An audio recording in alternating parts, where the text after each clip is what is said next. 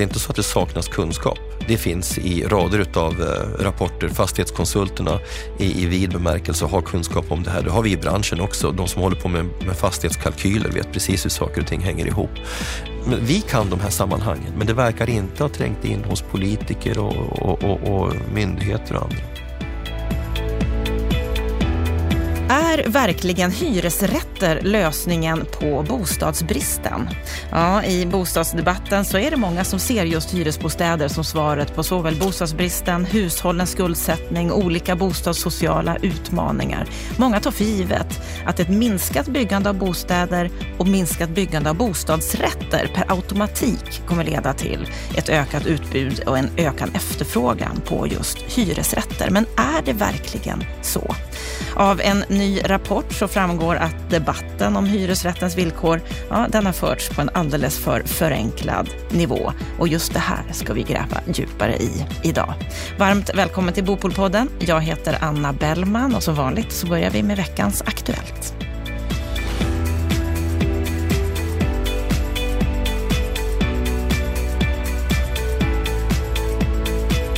Lennart Weiss, expertkommentator här på Bopolpodden. Ja, under veckan så har det hänt lite grann i alla fall. Statsministern har gjort en regeringsförklaring. Mm.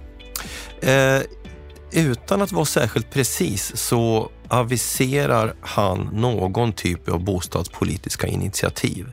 Jag är själv nyfiken på vad det där kan tänkas innebära, men det skickas någon typ av signal som markerar att frågan ska högre upp på agendan och det som jag fäste mig vid var att han avser att eh, tillkalla branschen för att diskutera hur bostadsbyggandet kan hållas på en högre nivå och hur man kan lösa problemen.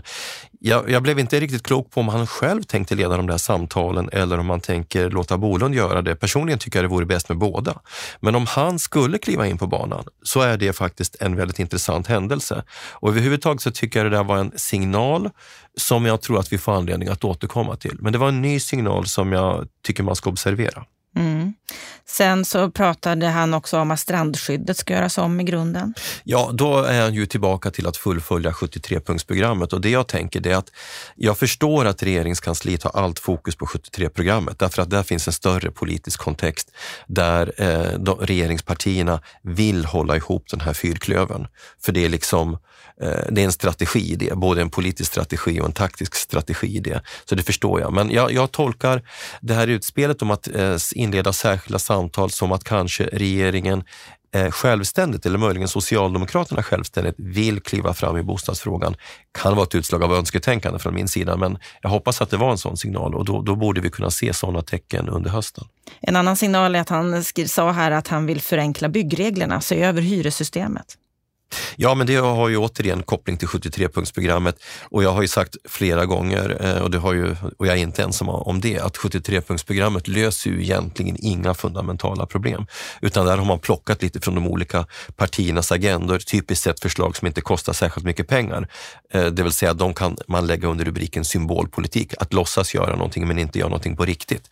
Det är viktigare om man tar nya initiativ som tar i de grundläggande problemen. Om det är så, då finns det ändå lite hopp. Mm, då får vi hoppas får vi att vi kan hoppas på det. En annan artikel som eh, eh, vi har kunnat läsa här i veckan i Dagens Industri, det är Andreas Cervenka som går väldigt hårt åt Riksbanken och Ingves. Ja, den, den har nog fått många att småle.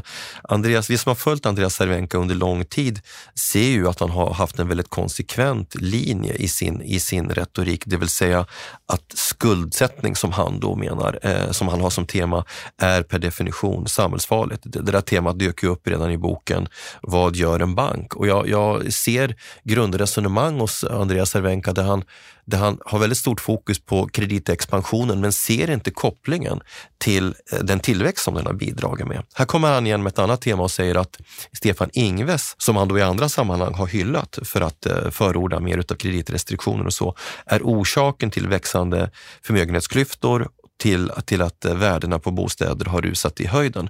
Och då tycker jag nog att det finns anledning att ta den stackars Stefan Ingves lite i försvar därför att han har inte haft något alternativ. Det är inte Stefan Ingves som har styrt så att säga världsräntorna från extremt höga nivåer i slutet på 80-talet, början på 90-talet ner till noll. Det är ju en nationellt, eh, internationell trend som är kopplad till en ny ekonomisk politik, till globaliseringen, till avreglerade kreditmarknader.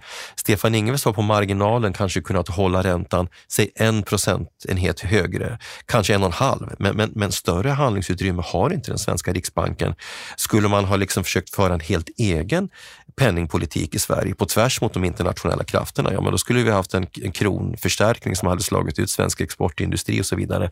Så, så du jag, menar att de är han, helt handlingsförlamade? De har ingen möjlighet att påverka alls? Ja, de har väldigt litet manöverutrymme. Det, det är den europeiska centralbanken som sätter ramarna för den svenska riksbanken och ECB styrs i sin tur av Federal Reserve. Så att här vi är en, en liten, liten eka som skvalpar på ett stort finansiellt hav. Så att jag tycker nog att, eh, jag tycker man ska läsa Andreas Cervenkas artikel han har en liten poäng i, i att eh, vi har fått en ökning av förmögenhetsklyftorna, men han gör ju en tankevurpa för han säger så här att de som då har eh, klivit in i ägda bostäder har fått en fantastisk värdetillväxt. De människorna och de bostäderna har bidragit till ökade förmögenhetsklyftor. Men han säger ju i en massa andra sammanhang alltid att vi har en bostadsbubbla, att det snart kommer att krascha. Så då kommer väl i så fall saker och ting reda ut sig med tiden. Då. De som då har förlorat i förmögenhetstillväxt genom att bo i hyresrätt, de kommer väl snart att kunna applådera då när kraschen inträffar och de sitter med beständiga hyror människor. Jag raljerar lite, men jag tycker ärligt talat att hans argumentation hänger inte ihop särskilt väl. Mm, och vi som eh, lyssnar och läser på vår egen kant, vi får dra våra egna slutsatser mm. av just den här artikeln. Stort tack Lennart och jag vill att du sitter kvar, för eh, när vi ska prata om hyresrätten så är det du som är redaktör för den rapport som nyss har kommit, så håll i.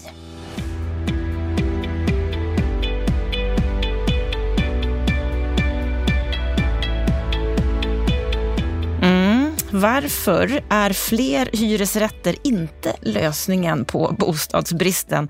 Det kan man säga är lite grann av slutklämmen i den nya rapport ifrån just Veidekke som du, Lennart Weiss, har varit redaktör för. Och där framgår det att debatten om hyresrättens villkor hittills har förts på en alldeles för förenklad nivå. Att även hyresrättsbyggandet möter finansiella begränsningar, att höga hyror begränsar efterfrågan, att även hyresrätter är väldigt räntekänsliga och att de flesta hushåll de föredrar inte att bo i hyrda bostäder utan i ägda boenden, i bostadsrätt eller villa. Och det här är en rapport som eh, inte bara människor i Veidekke har skrivit, utan också har ni tagit hjälp av ett antal olika experter. Däribland Ted Lindqvist. Välkommen till Bopolpodden. Tack så mycket. Du är VD och analytiker på Evidens och du har stått för mycket av utredningsjobbet i den här rapporten. Vad är din sinnesstämning idag? Eh, jag känner mig ganska lugn och eh, avslappnad faktiskt från att igår haft det lite stressigare när jag ledde ett samtal med ledande företrädare från eh, finansutskottet som bland annat fick, eh, förlåt, civilutskottet och finansutskottet, ehm, som bland annat fick liksom diskutera eh, slutsatserna av ny forskning kring kreditrestriktioners effekter och Och då blir man lite stressad när då man blir man lite stressad när man lyssnar på det och, eh, och så. Men, men eh, det föll ut väl. Jag tyckte att politikerna eh, var, var reflekterande och, och faktiskt kloka, så vi kanske kommer in i något slags nytt skede snart. Vad, vet, vad, vad var de kloka i? Tycker jag tycker att de hade ett väldigt så resonerande samtal. Att de eh, eh, på något, ja, de konstaterade att, att införandet av en del av, i alla fall av de här kreditrestriktionerna kanske inte hade skett på bästa sätt och med bästa underlag och att det finns anledning att vara ja, omprövande helt enkelt. Så vi kan se en förändring här? Det vet, vi, det vet vi inte än, men om, om, om, om det där hänger kvar, så att säga, vad de diskuterade igår, så tror jag att det förr eller senare. ja, för det är väldigt många aktörer i branschen som verkligen vill ha en förändring Absolut. när det gäller våra kreditrestriktioner, så att fler har möjlighet att komma in på bostadsmarknaden. Ja, Lennart Weiss, du har ju pratat om veckans Aktuellt, men jag har ju inte frågat vilken sinnesstämning du är Jag är eh, en, en, ehm, jag känner mig lite laddad. Jag har precis varit på Expressen och, och, och gjort ett inslag där kring Dina pengar som rörde bostadspolitik och, och dessutom en annan intervju som rörde tendenser till bostadsslum i Sverige. Så jag känner mig laddad för samtalet. Det är väldigt bra. Du, du har initierat den här rapporten mm. om hyresrätter. Varför gjorde ni den här?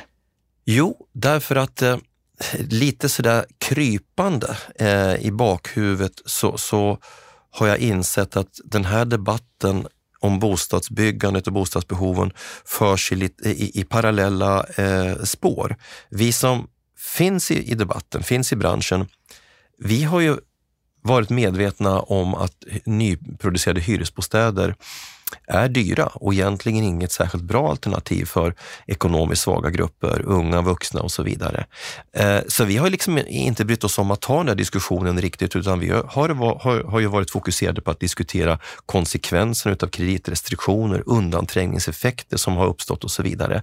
Och så har vi efterhand liksom förstått att det, det där passerar förbi väldigt många, både politiker och myndigheter, därför att de lever i en annan föreställningsvärld att, att, eh, att det spelar inte så stor roll om det byggs färre bostadsrätter och villor, då kommer efterfrågan per automatik att styras mot, eh, mot hyrda bostäder. Och då kände vi till slut ett behov att analysera det här. Finns det finansiella förutsättningar för att det utbudet ska komma till stånd? Finns det en efterfrågan? Vad är det för parametrar som påverkar hyresmarknadens utveckling? Så att vi bestämde oss för att börja på ett vitt papper och analysera det här själva från scratch. Det var det vi gjorde och slutsatserna eh, tycker jag är ett viktigt bidrag till bostadsdebatten om vilka alternativ som egentligen står till buds. Mm, och de slutsatserna ska vi snart komma till, men det jag vill, vill veta innan, är det så att, att vi har för lite fakta på bordet?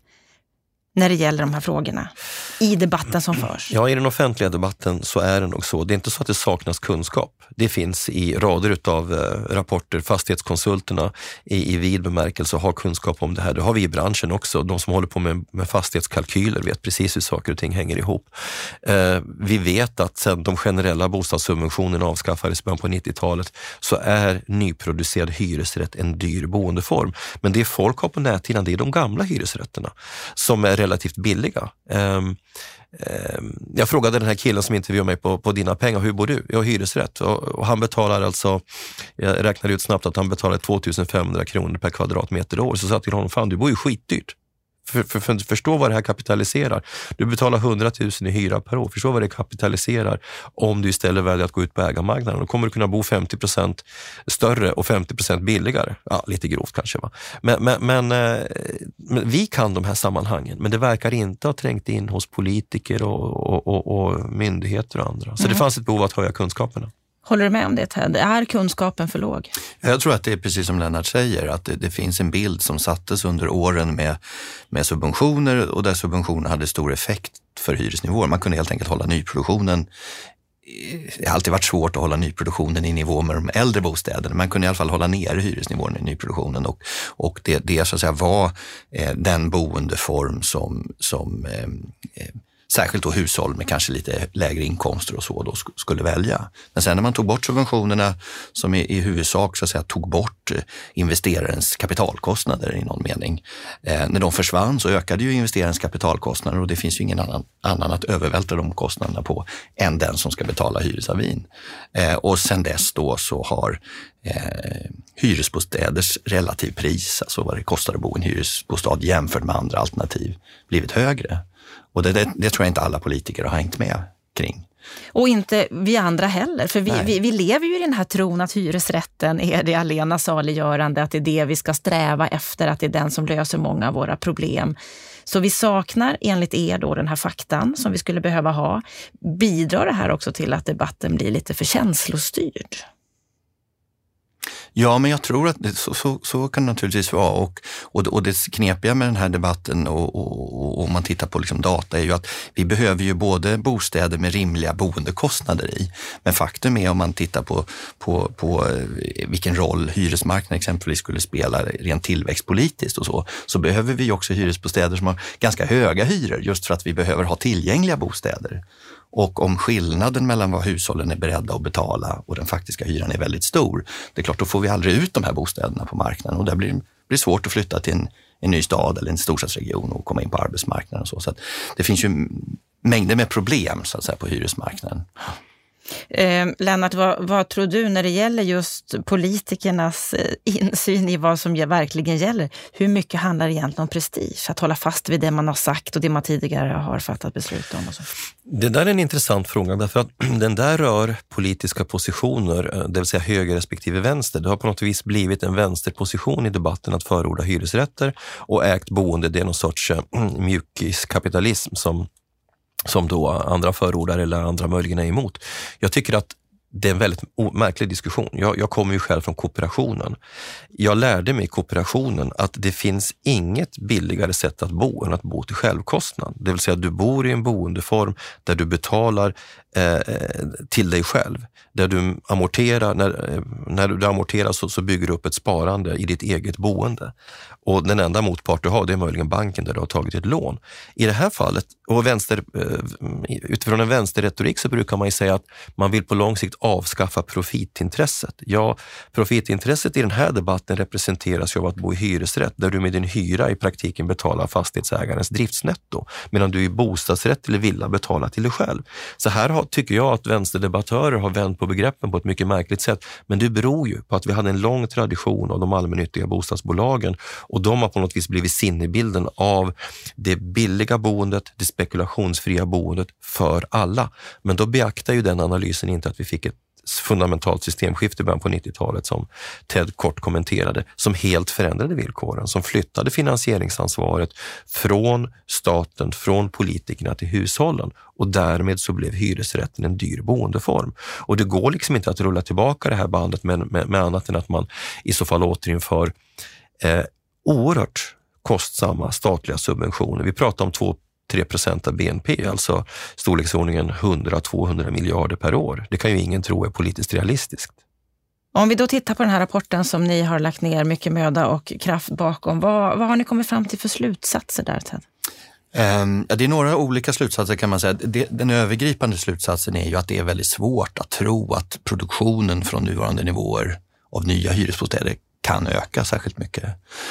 Ehm, och det finns olika förklaringar till det. Ehm, vi, vi, har sett att de senaste åren har produktionen ökat framförallt ute i, i landet, i regionstäder och så. Samtidigt ser vi nu då att i flera av de städerna är eh, marknaden för nya hyresbostäder relativt mättad. Man, man, kötiderna börjar krympa mot noll. Ehm, och det beror ju på att, att den grupp hushåll som framförallt eh, föredrar att bo i hyresrätt, den består ju i, stor utsträckning av yngre hushåll och av äldre hushåll och båda de här grupperna tillhör de som har de lägsta genomsnittsinkomsterna. Och det gör att den här efterfrågan blir väldigt priskänslig. Och när vi då har höga nyproduktionshyror, som det naturligtvis blir, när investeraren ska ha sin avkastning, ehm, så blir eh, efterfrågan helt enkelt begränsad. Och därför har den nått sin topp i många marknader. Så ser det inte riktigt ut i storstadsmarknaderna. Där skulle man kunna öka produktionen utifrån ett efterfrågeperspektiv ytterligare. Men där finns istället problemen på utbudssidan. Det är svårt helt enkelt att få ihop kalkylerna. Man konkurrerar om marken med andra aktörer. Kommunerna behöver intäkter från markförsäljning som gör att det är svårt att räkna hem ett omfattande hyresrättsbyggande eh, och så vidare. Och det finns en del osäkerheter om hyressättning och så. Så, att, så vår slutsats är ju att eh, produktionen snarast faller en del även på hyresrättssidan. Och går man då tillbaks till det här som Lennart sa tidigare, att, att det finns liksom en underton i, i politiken att vi ska ersätta det här fallet som vi nu får av ägda bostäder bostäder, produktion av ägda bostäder med hyrda, så kan man säga att det kommer inte att lyckas. Det, det, är väl den övergripande slutsatsen i rapporten. Men sen ser vi ju också att, att det här trycket på ökad kreditreglering, det påverkar även byggandet av hyresbostäder. Alltså den dag, eh, och det här har ju redan skett, man kräver då från myndigheternas sida att de som bygger hyresrätter också ska stoppa in mer eget kapital i sina investeringar. Då trycker det i sig upp hyresnivån Eh, och därmed minskar efterfrågan. Och att hyresnivån ökar den här kreditregleringen beror framförallt på att man då ska hålla mer eget kapital och det här egna kapitalet är dyrare, har ett högre räntekrav på sig än lånade pengar och i genomsnitt då ökar avkastningskraven eh, för, för investeringar i hyresbostäder. Så att eh, det är inte bara borättsmarknaden som påverkas av den här diskussionen om, om, om kapitalregleringar och dessutom är det så, ser vi i, i, när vi gör analysen, att om räntorna stiger så kommer ju också avkastningskraven hos investerarna öka när de ska bygga nya hus, vilket i sin tur också trycker upp eh, hyresbehoven. Och de trycker upp dem ganska ordentligt och till sådana nivåer om räntan skulle stiga att det nog är svårt att plocka ut hyror som, som motsvarar sådana avkastningskrav. Så att hur vi än vänder och vrider så ser vi att det finns liksom en begränsning i hur mycket hyresbostäder det går att bygga. Så den här idén om att ersätta byggandet av ägda bostäder med hyrda bostäder, den kommer inte eh, att fungera utan då kommer vi i så fall permanent få en lägre eh, bostadsproduktion. Och i botten avslutningsvis då kan man säga ligger den här preferensbilden som ju också har förändrats bland hushållen. Alltså hur vill vi bo? Eh, hur vill vi spendera så att säga, de pengar som, som vi lägger på boendet? Och då ser vi ju att, att ägda boendeformer har helt enkelt många hushåll som föredrar det. Och det kan man ju också titta på den demografiska utvecklingen. Vi har många, många nya familjer, det föds ganska många barn per familj, i alla fall i delar av landet. Det är klart att efterfråga en bostad då, som kanske har tre, fyra rum om man ska få plats med en större barnfamilj i en nyproducerad hyresbostad bli oerhört dyrt så säga, jämfört med utbudet exempelvis på den begagnade villamarknaden. Och så. så att, ja, hur vi än vände och vred på detta så var det väldigt svårt att se eh, att vi skulle kunna ha en hög och uthålligt hög produktion av hyresbostäder. Och tittar man nu på SCBs data så ser man att den är också faktiskt på väg ner lite grann. Och den här rapporten lanserade ni under Almedalsveckan och ni hade ett seminarium där som man kan se i efterhand nu på bostadspolitik.se. Vad har ni mött för reaktioner på den här faktan som ni nu lägger fram, som ni har kommit fram till?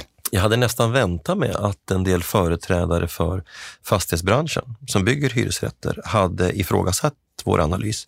Ingenting sånt. Eh, Hyresgästföreningen eh, kom fram och kommenterade den och sa att ja, ni ringar in helt rätt frågeställning. Ni, fing, ni, ni ringar in den finansiella utmaningen. Eh, fastighetsägare som jag pratat med konstaterar ja, det är en helt korrekt analys. Vi eh, ser inte eh, nyproduktionsmarknaden som, som den primära eh, som det primära affärscaset. Det finns för mycket odefinierade risker där. Vi är intresserade av hyresfastigheter, men då i det äldre beståndet. Köpa förvaltningsfastigheter med trygga, stabila kassaflöden där det kanske rent av finns en möjlighet att renovera och därmed få upp hyrorna.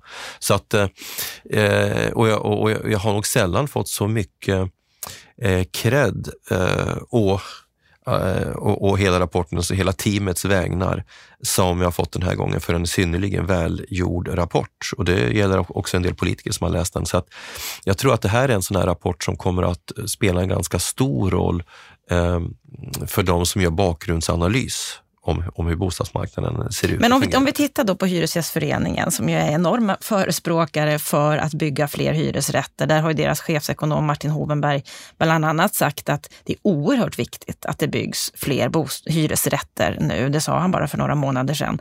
Att de skyhöga priserna i det ägda boendet har skapat höga trösklar in på bostadsmarknaden. Kommer han att revidera det här nu utifrån den här rapporten? Eh, nej, det tror jag inte. Och, och jag, vill, jag vill nog skynda mig att säga också att jag eh, och vi som har författat författat rapporten är ju inte emot hyresrätter. Jag är ju själv en väldigt stark förespråkare för en bostadsmarknad med valfrihet. Hyresrätten har en väldigt viktig funktion att fylla, menar jag, som instegsboende eller för de som är lite äldre och är på väg ut i bostadsmarknaden och inte vill binda kapital.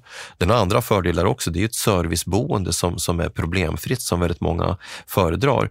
Och, jag brukar rent av säga att eftersom det är ett fullserviceboende med väldigt hög kvalitet, du behöver ju inte bry dig särskilt mycket när någonting går sönder, så är det inte så konstigt att det måste kosta lite mer.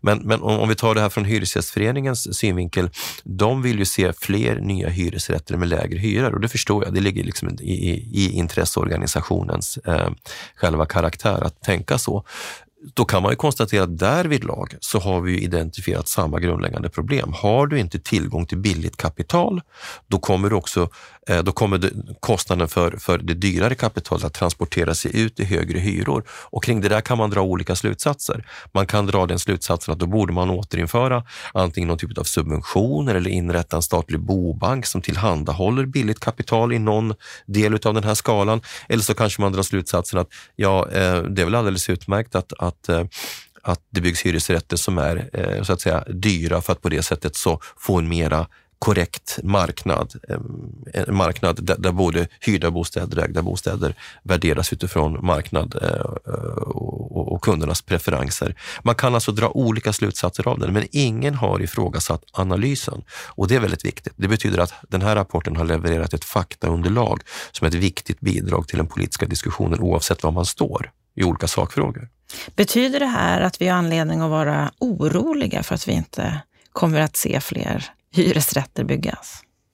Problemet är ju, eller det finns flera problem här, men, men vi har ju just nu då en, en hyresmarknad som verkar ha nått toppen så att säga, på, på nyproduktionen, ser snarast ut att gå ner lite grann. Eh, och vi har samtidigt då kreditrestriktionerna på den ägda marknaden som gör att, att, att totalt sett så, så har, har vi fått så att säga, en, en marknad i baklås. Vi kan inte gasa så här, i, i någon ände här och det är klart det det är ju bekymmersamt. Så att jag tror att det, det, eller hoppas i alla fall att den politiska diskussionen som bland annat resultat av en sån här rapport, men, men även, även i övrigt då, försöker hitta eh, eh, lösningar som gör att vi kan upprätthålla en lite högre produktion och att vi inte får de här snabba svängningarna som då gäller båda upplåtelseformerna. Det är ju det stora problemet eh, just nu, att båda, både de hyrda bostäderna och de ägda bostäderna faller i, i, i byggtakt. Finns det ett behov nu att återgå till den gamla sortens bostadspolitik där staten tog ett mycket större ansvar och subventionerade? Jag skulle säga så här, att det det finns ett behov av, det är att ställa de två klassiska frågorna som har ställts i bostadsdebatten i Sverige sedan början på 1900-talet. Ett, hur ska ekonomiskt svaga kunna få sitt bostadsbehov tillgodosett? Två, vem ska finansiera det? Det finns inte ett svar på den, de här frågorna, utan det finns flera möjliga svar. Men varje ska säga, varje politisk lösning börjar i en korrekt ställd frågeställning. Och, och, och, och, frågan måste därmed formuleras på det här sättet utifrån behov och eh, finansiering. Då kan man säga så här att en generell slutsats av en sån frågeställning är att om vi vill ha en bostadsmarknad där olika grupper kan efterfråga bostäder så måste det till politik i en eller annan form.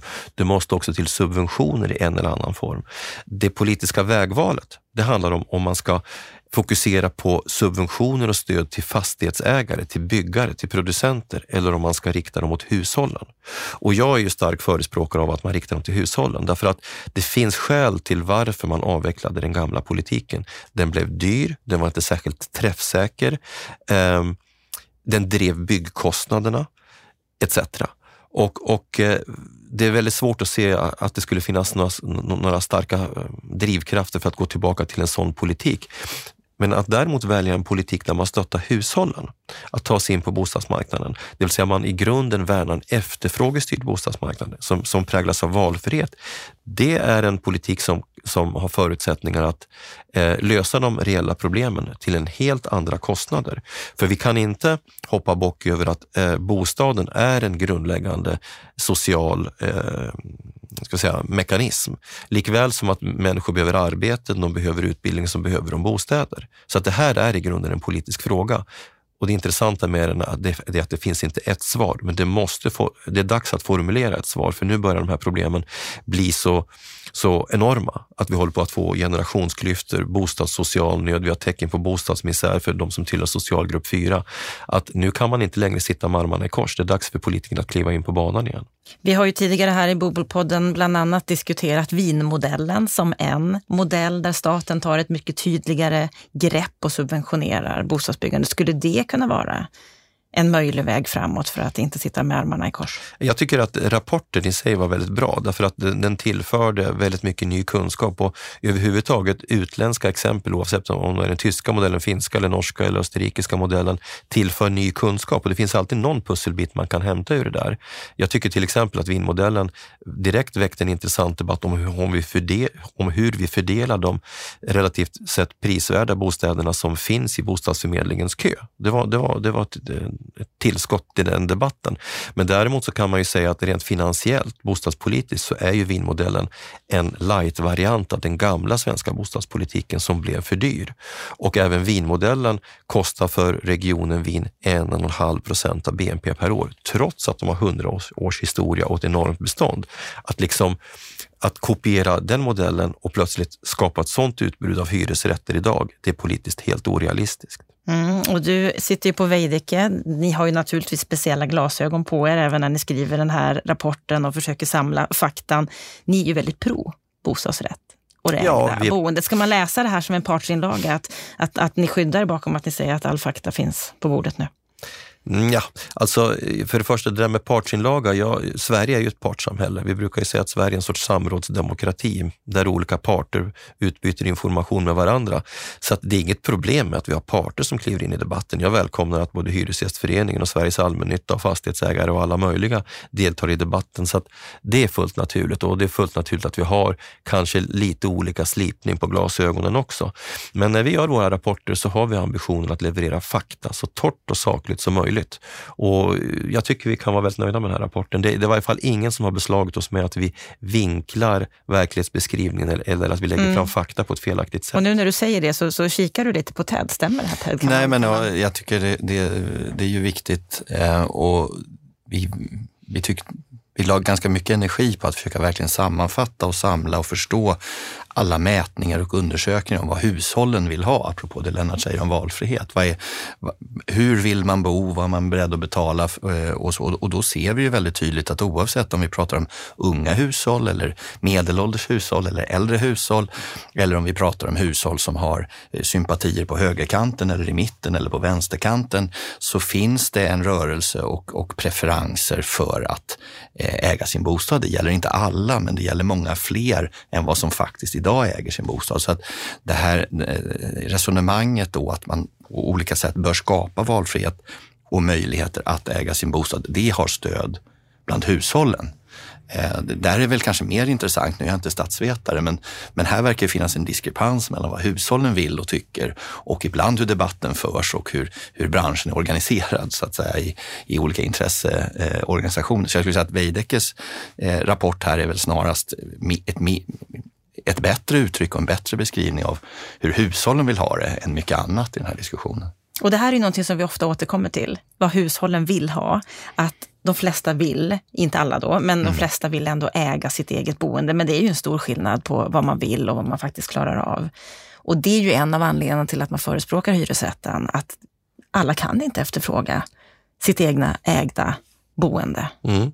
Och, men, men, då pratar vi ju framförallt om grupper som, som ännu inte är helt etablerade på bostadsmarknaden och som eh, med all rätt efterfrågar någon typ av subventionerad bostad. Om vi tar, pratar om studenter till exempel. Det är ju helt rimligt tycker jag att tillhandahålla studentbostäder med subventionerad hyra eller vi har ekonomiskt fattiga som, som, som är i någon typ av social eller ekonomisk vanmakt. De behöver också ha samhällets stöd. Och, och, och vi har äldre hushåll som flyttar in i vårdboende som, som eh, i vissa fall har ett inslag av subvention. Men, men för den breda gruppen så kan vi ju konstatera att de flesta som har stadigvarande inkomster, de har förutsättningar att eh, välja vilken del av bostadsmarknaden man ska etablera sig på. Men genom att vi har en historik utav subventioner, väldigt omfattande subventioner under efterkrigstiden, så ligger det i bakhuvudet på väldigt många svenskar, både konsumenter och politiker, att hyresrätt är en billig boendeform. Men märk väl, tittar du ut över omvärlden så är inte hyresrättsboende en billig boendeform någonstans utom i de länder som tillämpar någon sorts variant av social housing, det vill säga där en del av bostadsbeståndet är subventionerat. Men där tilldelas ju också de bostäderna efter ekonomisk prövning, socio, ekonomisk och social prövning. Och, och den typen av system har vi hittills inte velat ha i Sverige. Men de länderna förenar alltså å ena sidan en marknadsprissatt hyresmarknad som är dyr och en social bostadsmarknad med subventionerade hyror. Och då får man, eh, vill man då tillbaka till en hyresmarknad med ett stort utbud av billiga bostäder så är det väl förmodligen den vägen man får svänga in på. Men, men eh, där delar jag Hyresgästföreningens och Sveriges allmännyttas eh, motstånd mot den tanken. Därför att hela idén liksom med välfärdspolitik och socialpolitik i grunden, det är att bryta samhällsstrukturer som, som vidgar klyftorna mellan människor och, och skapar sociala stigma. Då behöver vi inte ha sociala bostäder i Sverige. Det skulle bara stärka sociala stigma menar jag. Jag vill testa en tanke på er, eller en, ett nytt fenomen som vi faktiskt såg här i våras. Och det är att kommunala Stockholmshem har köpt upp 84 bostadsrätter i Bandhagen som de ska omvandla till kommunala hyresrätter och de tittar på om de kan hitta fler affärer framöver. En omvänd ombildning kan man säga. Det här är Metro som rapporterar om det här anledningen är just att eh, det är en spegelvänd verklighet enligt flera experter, att det börjar bli svårt att sälja nybyggda bostadsrätter. Det har vi ju vittnat på många olika håll. Vad säger ni om det här? Att, att vi ser en sån rörelse just nu? Nej, men jag, jag, skulle säga att det är inte så konstigt just nu därför att det som har hänt på marknaden är ju att staten då via sina nya kreditregleringar har gjort det mycket svårare för grupper att komma in på den ägda bostadsmarknaden. Har man då byggt projekt i miljöer, vi vet att människor som köper sin bostad flyttar relativt lokalt. Har man då byggt projekt i miljöer där man har en stor andel hushåll eh, med lite lägre inkomster, då får ju de här kreditreglerna större effekter.